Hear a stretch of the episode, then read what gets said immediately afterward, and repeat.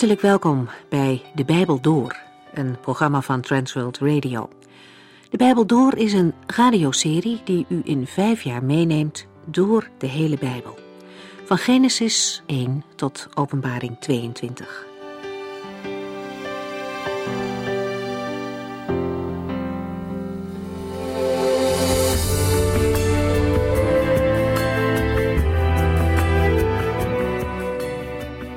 Vandaag lezen we weer verder uit Openbaring 8. In de eerste verse zijn we getuigen van een bijzonder moment in de hemel. Allereerst is het er een half uur stil.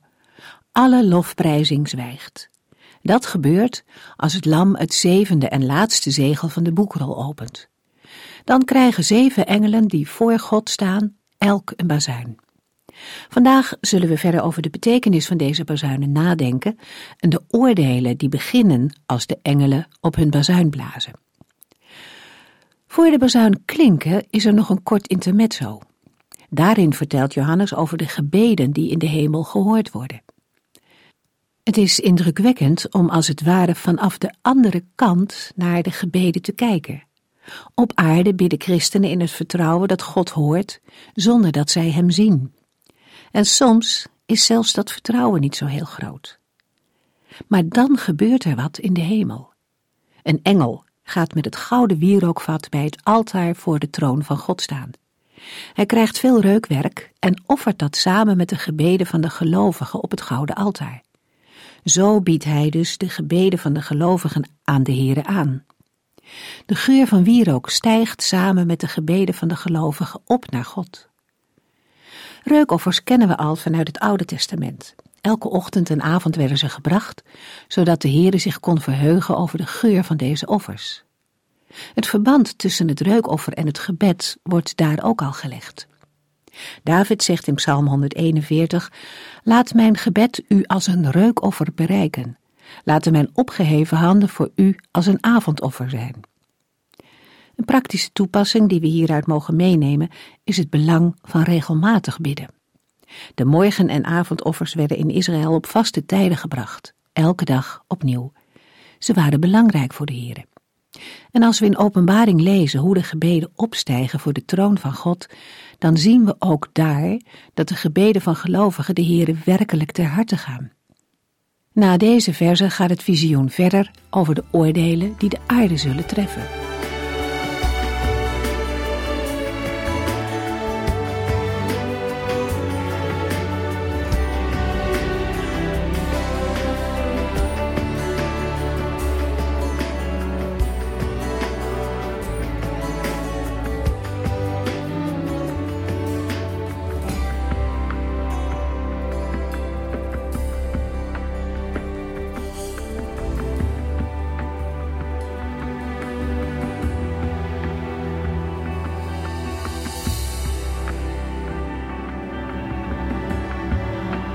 Het laatste vers van de vorige uitzending was Openbaring 8, vers 6, waar we lazen: De zeven engelen met de bazuinen maakten zich klaar om erop te blazen.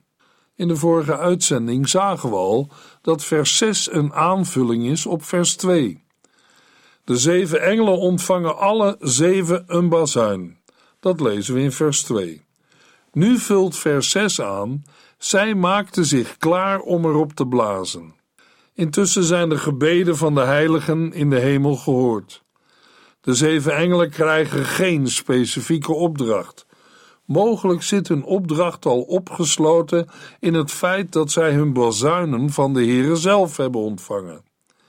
Het blazen op een bazuin of trompet, ook wel een ramshoorn of shofar genoemd, heeft in het Oude Testament verschillende betekenissen. Zo kon het dienen tot het aankondigen van een oordeel, of juist van een overwinning, of van het begin van de regering van een nieuwe koning. Ook kon het oproepen tot actie, want het was soms een oproep tot verzamelen, het zijn tot een aanval of een waarschuwing. In het Bijbelboek Openbaring leiden de zeven bazuinen met name tot oordelen. Maar tegelijk is er nog de mogelijkheid dat de mensen op aarde zich bekeren. Daarom vormen deze oordelen tegelijk een waarschuwing. De beschrijving van de gebeurtenissen die volgen op het blazen van de eerste vijf bazuinen roept bewust herinnering op aan de tien plagen in Egypte. U kunt het verslag van de plagen lezen in Exodus 7 tot en met 12. Daarbij gaat het met name over de eerste, zevende, achtste en negende plaag. De farao, of koning van Egypte, had op dat moment nog de mogelijkheid zich te bekeren. Maar geleidelijk kregen de plagen meer het karakter van alleen maar straf. Mede omdat er niet naar de boodschap van God werd geluisterd. Datzelfde geldt voor de mensen die in Openbaring 8 en 9 worden getroffen. Bij de eerste vier bazuinen of trompetten wordt de omvang van het oordeel nog beperkt. Om de overige mensen de gelegenheid te geven zich tot God te bekeren en tot inkeer te komen. Openbaring 8, vers 7. De eerste engel blies op zijn bazuin. Hagel en vuur, vermengd met bloed, werden op de aarde gegooid. Een derde deel van de aarde en een derde deel van de bomen verbrandden, en al het gras werd door de vlammen verteerd. Het blazen op de eerste van de zeven bazuinen veroorzaakt het eerste oordeel, dat herinneringen oproept aan de zevende plaag in Egypte. In Exodus 9, vers 24 lezen we: Bliksemschichten schoten door de lucht, gevolgd door de zwaarste hagelbuien die Egypte ooit had meegemaakt. Gelijksoortige woorden lezen we in Ezekiel 38, vers 22 en 23, waar de Heere zegt: Ik zal u bestrijden met het zwaard, ziekten, grote regenbuien, enorme hagelstenen, vuur en zwavel. Op die manier zal ik mijn grootheid en heiligheid tonen en mijn naam eer aandoen en alle volken ter wereld zullen horen wat ik heb gedaan en weten dat ik de Heer ben. In Openbaring 8, vers 7 werden er hagel en vuur vermengd met bloed op de aarde gegooid. Wat wil zeggen dat er zware hagel- en onweersbuien plaatsvinden. Vuur is eveneens een bekend symbool voor een oordeel van God. Als we het woord vuur verder bestuderen, dan ontdekken we het volgende. Vuur kan dienen ter verlichting of om zich bij te verwarmen, maar ook om onkruid en dergelijke te verbranden of om goud te zuiveren. Een verwijzing naar vuur dat gebruikt werd als middel om mensen te straffen vinden we in Hebreeën 11. Vervolgens vinden we het woord vuur in het Nieuwe Testament onder meer als aanduiding voor verwoestend vuur met betrekking tot het einde van de wereld, in bijvoorbeeld Handelingen 2 vers 19 en 2 Petrus 3 vers 7. Op andere plaatsen staat het woord voor bliksem. In Openbaring 16 vers 8 wordt het woord gebruikt voor de hitte van de zon, een woordgebruik dat we ook in het buitenbijbelse Grieks vinden. Een bijzonder gebruik van het woord vuur treffen we aan met betrekking tot de Heere die verschijnt met vuur als teken van zijn heerlijkheid en heiligheid.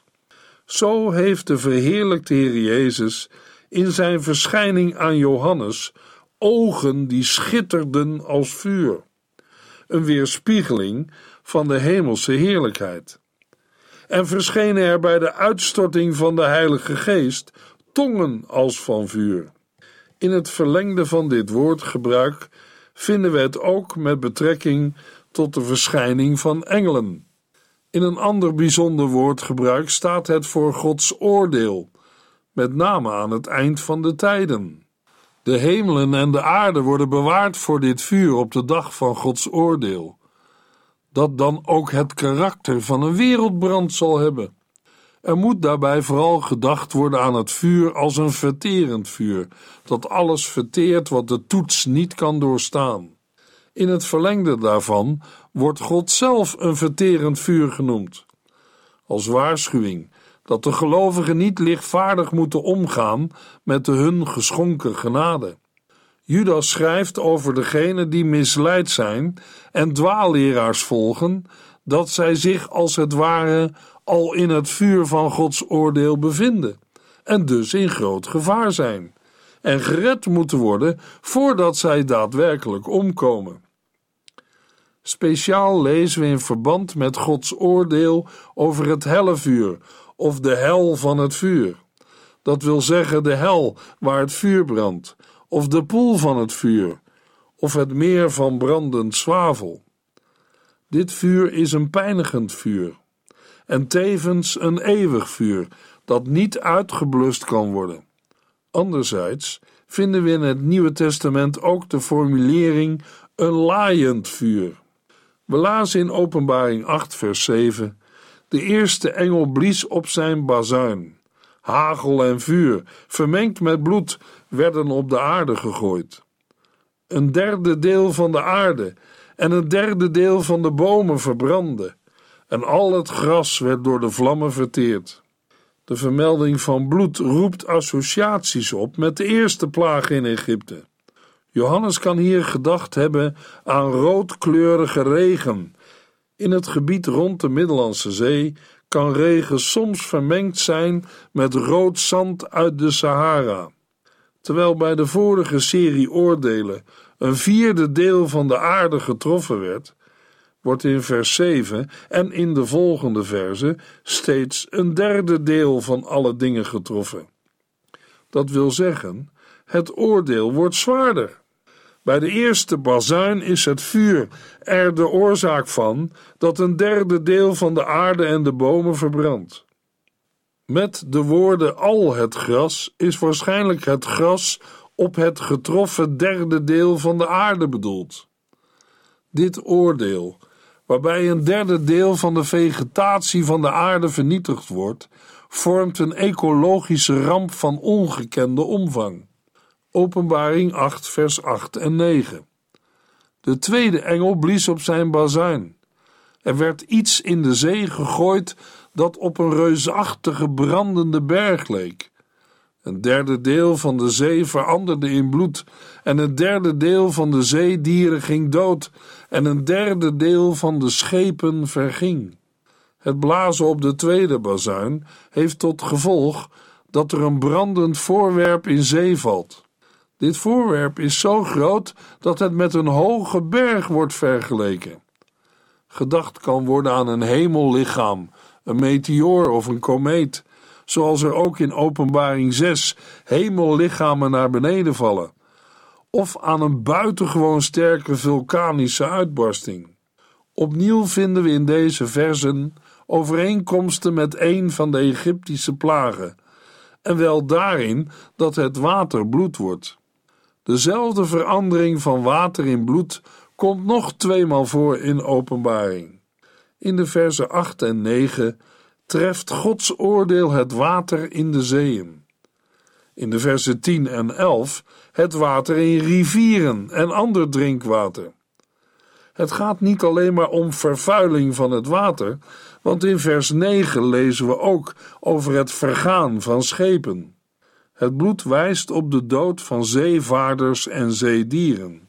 Maar weer blijft het oordeel beperkt tot een derde deel, dat wil zeggen een enorm percentage, maar niet de meerderheid. In vers 9 beschrijft Johannes nog meer gevolgen van het oordeel over de zeeën. Deze gevolgen doen denken aan de uitwerking van een vulkaanuitbarsting. Dit blijkt bijvoorbeeld uit de ooggetuigenverslagen die we hebben van de uitbarsting van de Vesuvius bij Napels in Italië in het jaar 79, waardoor Pompeii en andere steden bedolven werden. Deze uitbarsting leidde onder andere tot een grote sterfte onder de zeedieren en tot hoge vloedgolven die de scheepvaart teisterden. Een derde deel van de zeeën werd getroffen. Hierdoor sterft een derde deel van de zeedieren en vergaat een derde deel van de schepen. In een andere Bijbelvertaling lezen we in vers 9: En het derde deel van de schepselen in de zee, die leven hadden, stierf. En het derde deel van de schepen verging. De toevoeging die leven hadden bij schepselen in de zee geeft ten overvloede aan dat het gaat over levende schepsels, die dan ook echt kunnen sterven. Voor de woorden een derde deel van de schepen verging, lezen we in het Grieks: het derde deel van de schepen werden volledig verwoest. Volledig verwoest wijst op een volkomen vernietigd worden van de zeeschepen. Bij al die zeeschepen komt ongetwijfeld ook de bemanning om. Openbaring 8, vers 10 en 11. De derde engel blies op zijn bazuin. Er viel een grote ster uit de hemel, die brandde als een fakkel. Hij kwam terecht op een derde deel van de rivieren en op de waterbronnen. De naam van de ster was Bitter. Een derde deel van het water werd bitter, en omdat het bitter was, stierven vele mensen ervan.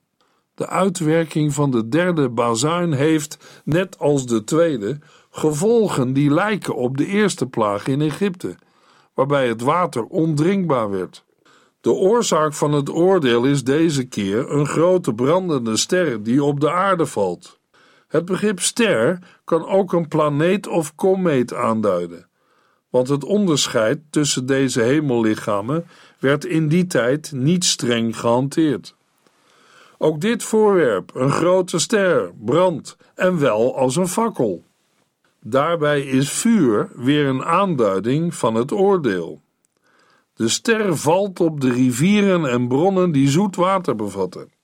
De beperkende bepaling het derde deel staat alleen bij de rivieren, maar slaat waarschijnlijk ook op de bronnen van de wateren. In het volgende vers wordt de schadelijke uitwerking van deze ster beschreven.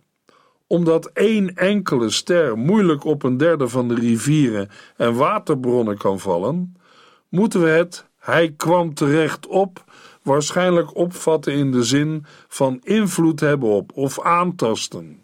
Vers 11 beschrijft de uitwerking van het vallen van een grote ster, die in vers 10 werd beschreven. Nu hoort Johannes ook hoe de ster heet. Haar naam is bitter. Het Griekse woord wordt op andere Bijbelplaatsen vertaald met alsem. Alsem is een scherp, bitter kruid waarvan vele soorten bestaan. Deze zijn niet allemaal giftig. Te oordelen naar de gevolgen hebben we hier te maken met absintalsem, waarvan het aftreksel een heel giftige vloeistof bevat, die absint wordt genoemd. Het bestaan van giftig alsem was al in het Oude Testament bekend. Doordat de ster alsem het derde deel van het drinkwater aantast, wordt het alsem of absint. Dit bittere water heeft een dodelijk effect op degene die het drinken. Duidelijk is dat de ster haar bijnaam heeft gekregen op grond van haar vergiftigende werking. Vergiftiging van het derde deel van het drinkwater op aarde is een ecologische ramp van een immense omvang. Het vergiftigde drinkwater staat in scherp contrast met het water dat leven geeft. In de beschrijving van de eerste vier bazuinen wordt alleen in Openbaring 8, vers 11 aandacht gegeven aan het lot van de mensen, en dan alleen nog in verband met de vergiftiging van het drinkwater. Alle aandacht in de versen 6 tot en met 12 gaat uit naar de natuur. Er wordt niet gesproken over een derde deel van de mensen, maar over vele mensen. Waarschijnlijk betekent dit dat minder dan een derde van de mensen sterft door dit oordeel. Openbaring 8, vers 12. De vierde engel blies op zijn bazuin. Een derde deel van de zon, de maan en de sterren werd door een zware slag getroffen. Daardoor werden zij voor een derde verduisterd. Zowel overdag als s nachts gaven zij een derde minder licht. In vers 12 lezen we over het blazen op de vierde bazuin in een serie van zeven bazuinen. Door een verder niet aangeduide oorzaak wordt een derde deel van de zon, maan en sterren getroffen. Het oordeel dat hierdoor ontstaat lijkt op de negende plaag in Egypte, die van de duisternis. We lezen in Exodus 10, vers 21 tot en met 23. Daarna zei de Heere tegen Mozes: Steek uw hand omhoog naar de hemel, en er zal een volledige duisternis over Egypte komen. Mozes stak zijn hand uit naar de hemel, en het werd aardedonker in het land, drie dagen lang. Gedurende die tijd kon niemand een hand voor ogen zien en zelfs niet opstaan om iets te doen. Maar bij de Israëlieten was het volop licht. In tegenstelling tot Exodus 10 is het oordeel in openbaring wereldwijd en wordt het niet volledig donker zoals in Egypte. Wat er wel gebeurt, kan op twee manieren worden opgevat. Zij werden voor een derde verduisterd, suggereert dat er permanent een derde minder lichtsterkte was. Terwijl daarentegen de letterlijk uit het Grieks vertaalde slotzin en de dag voor het derde deel geen licht had en de nacht desgelijks, juist de indruk wekt dat er een derde deel van de tijd totaal geen licht was. Mogelijk denkt Johannes hier aan een eclips, waarbij het licht van de zon en maan plotseling, maar tijdelijk, wordt verduisterd.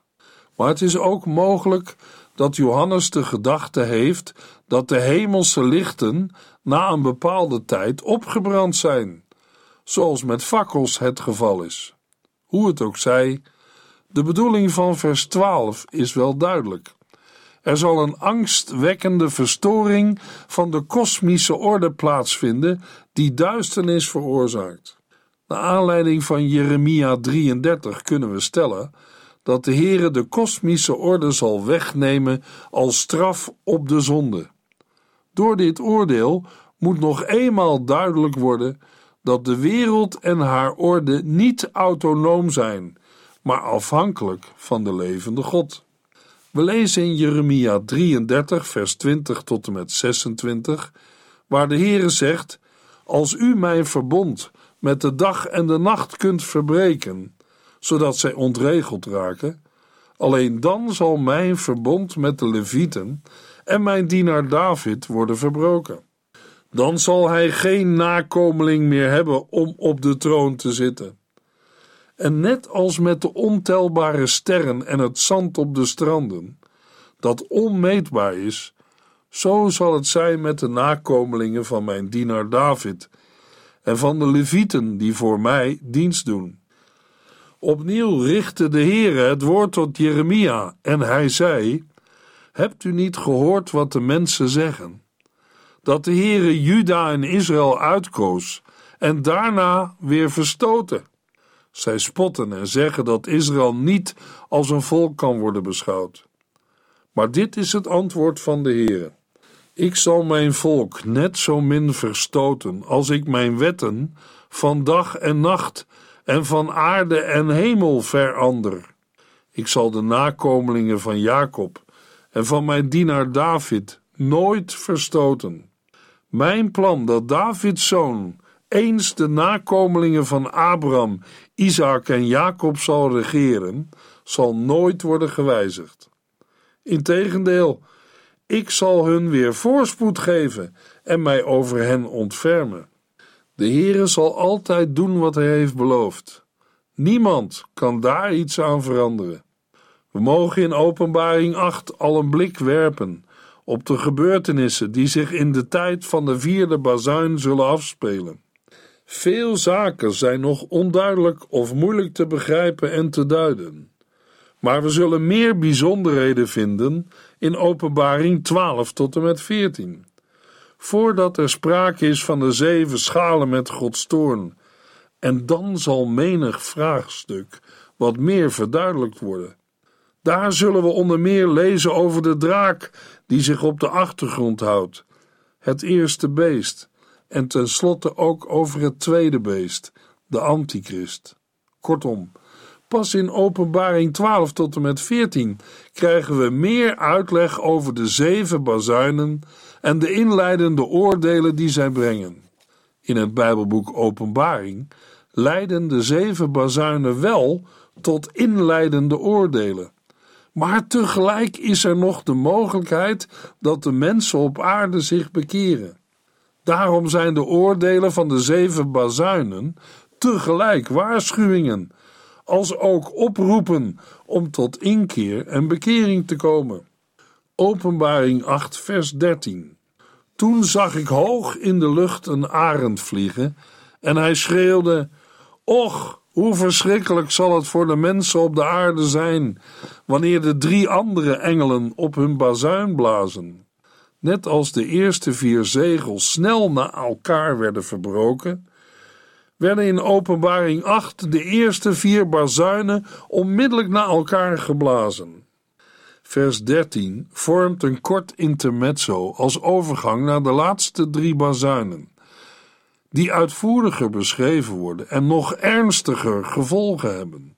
Vanuit de Griekse tekst luidt de vertaling van vers 13: En ik zag en ik hoorde één arend vliegen in het midden van de hemel, zeggende met luider stem: Wee, wee, wee hun die op de aarde wonen vanwege de overige klanken van de bazuin van de drie engelen, die nog bazuinen zullen. De verbinding ik zag en ik hoorde vinden we ook in Openbaring 5, vers 11 en 6, vers 1. Johannes neemt met zijn ogen en oren een vliegende vogel waar. De handschriften die arend of gier hebben, zijn gezaghebbender dan de exemplaren die in plaats daarvan engel lezen, zodat er over de juistheid van deze lezing geen twijfel bestaat. Met de toevoeging 1 wordt aangegeven dat het één enkele vogel is, mogelijk als contrast met de vele drietallen en zeventallen in de context. Deze vogel symboliseert hier onheil en wordt ook in Matthäus 24, vers 28 verbonden met de gebeurtenissen in de eindtijd.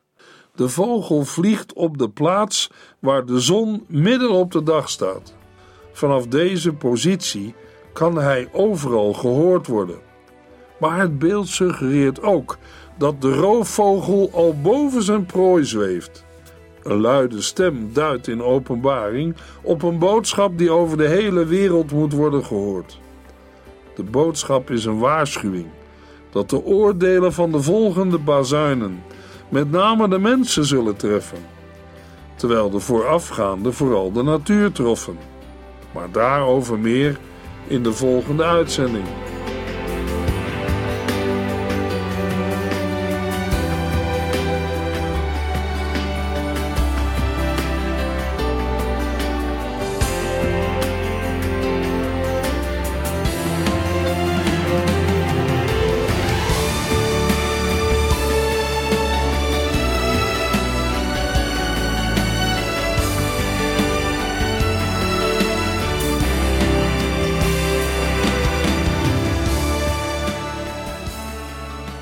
Sinds kort kunt u een USB-stick bestellen met alle uitzendingen en de teksten van de Bijbel door.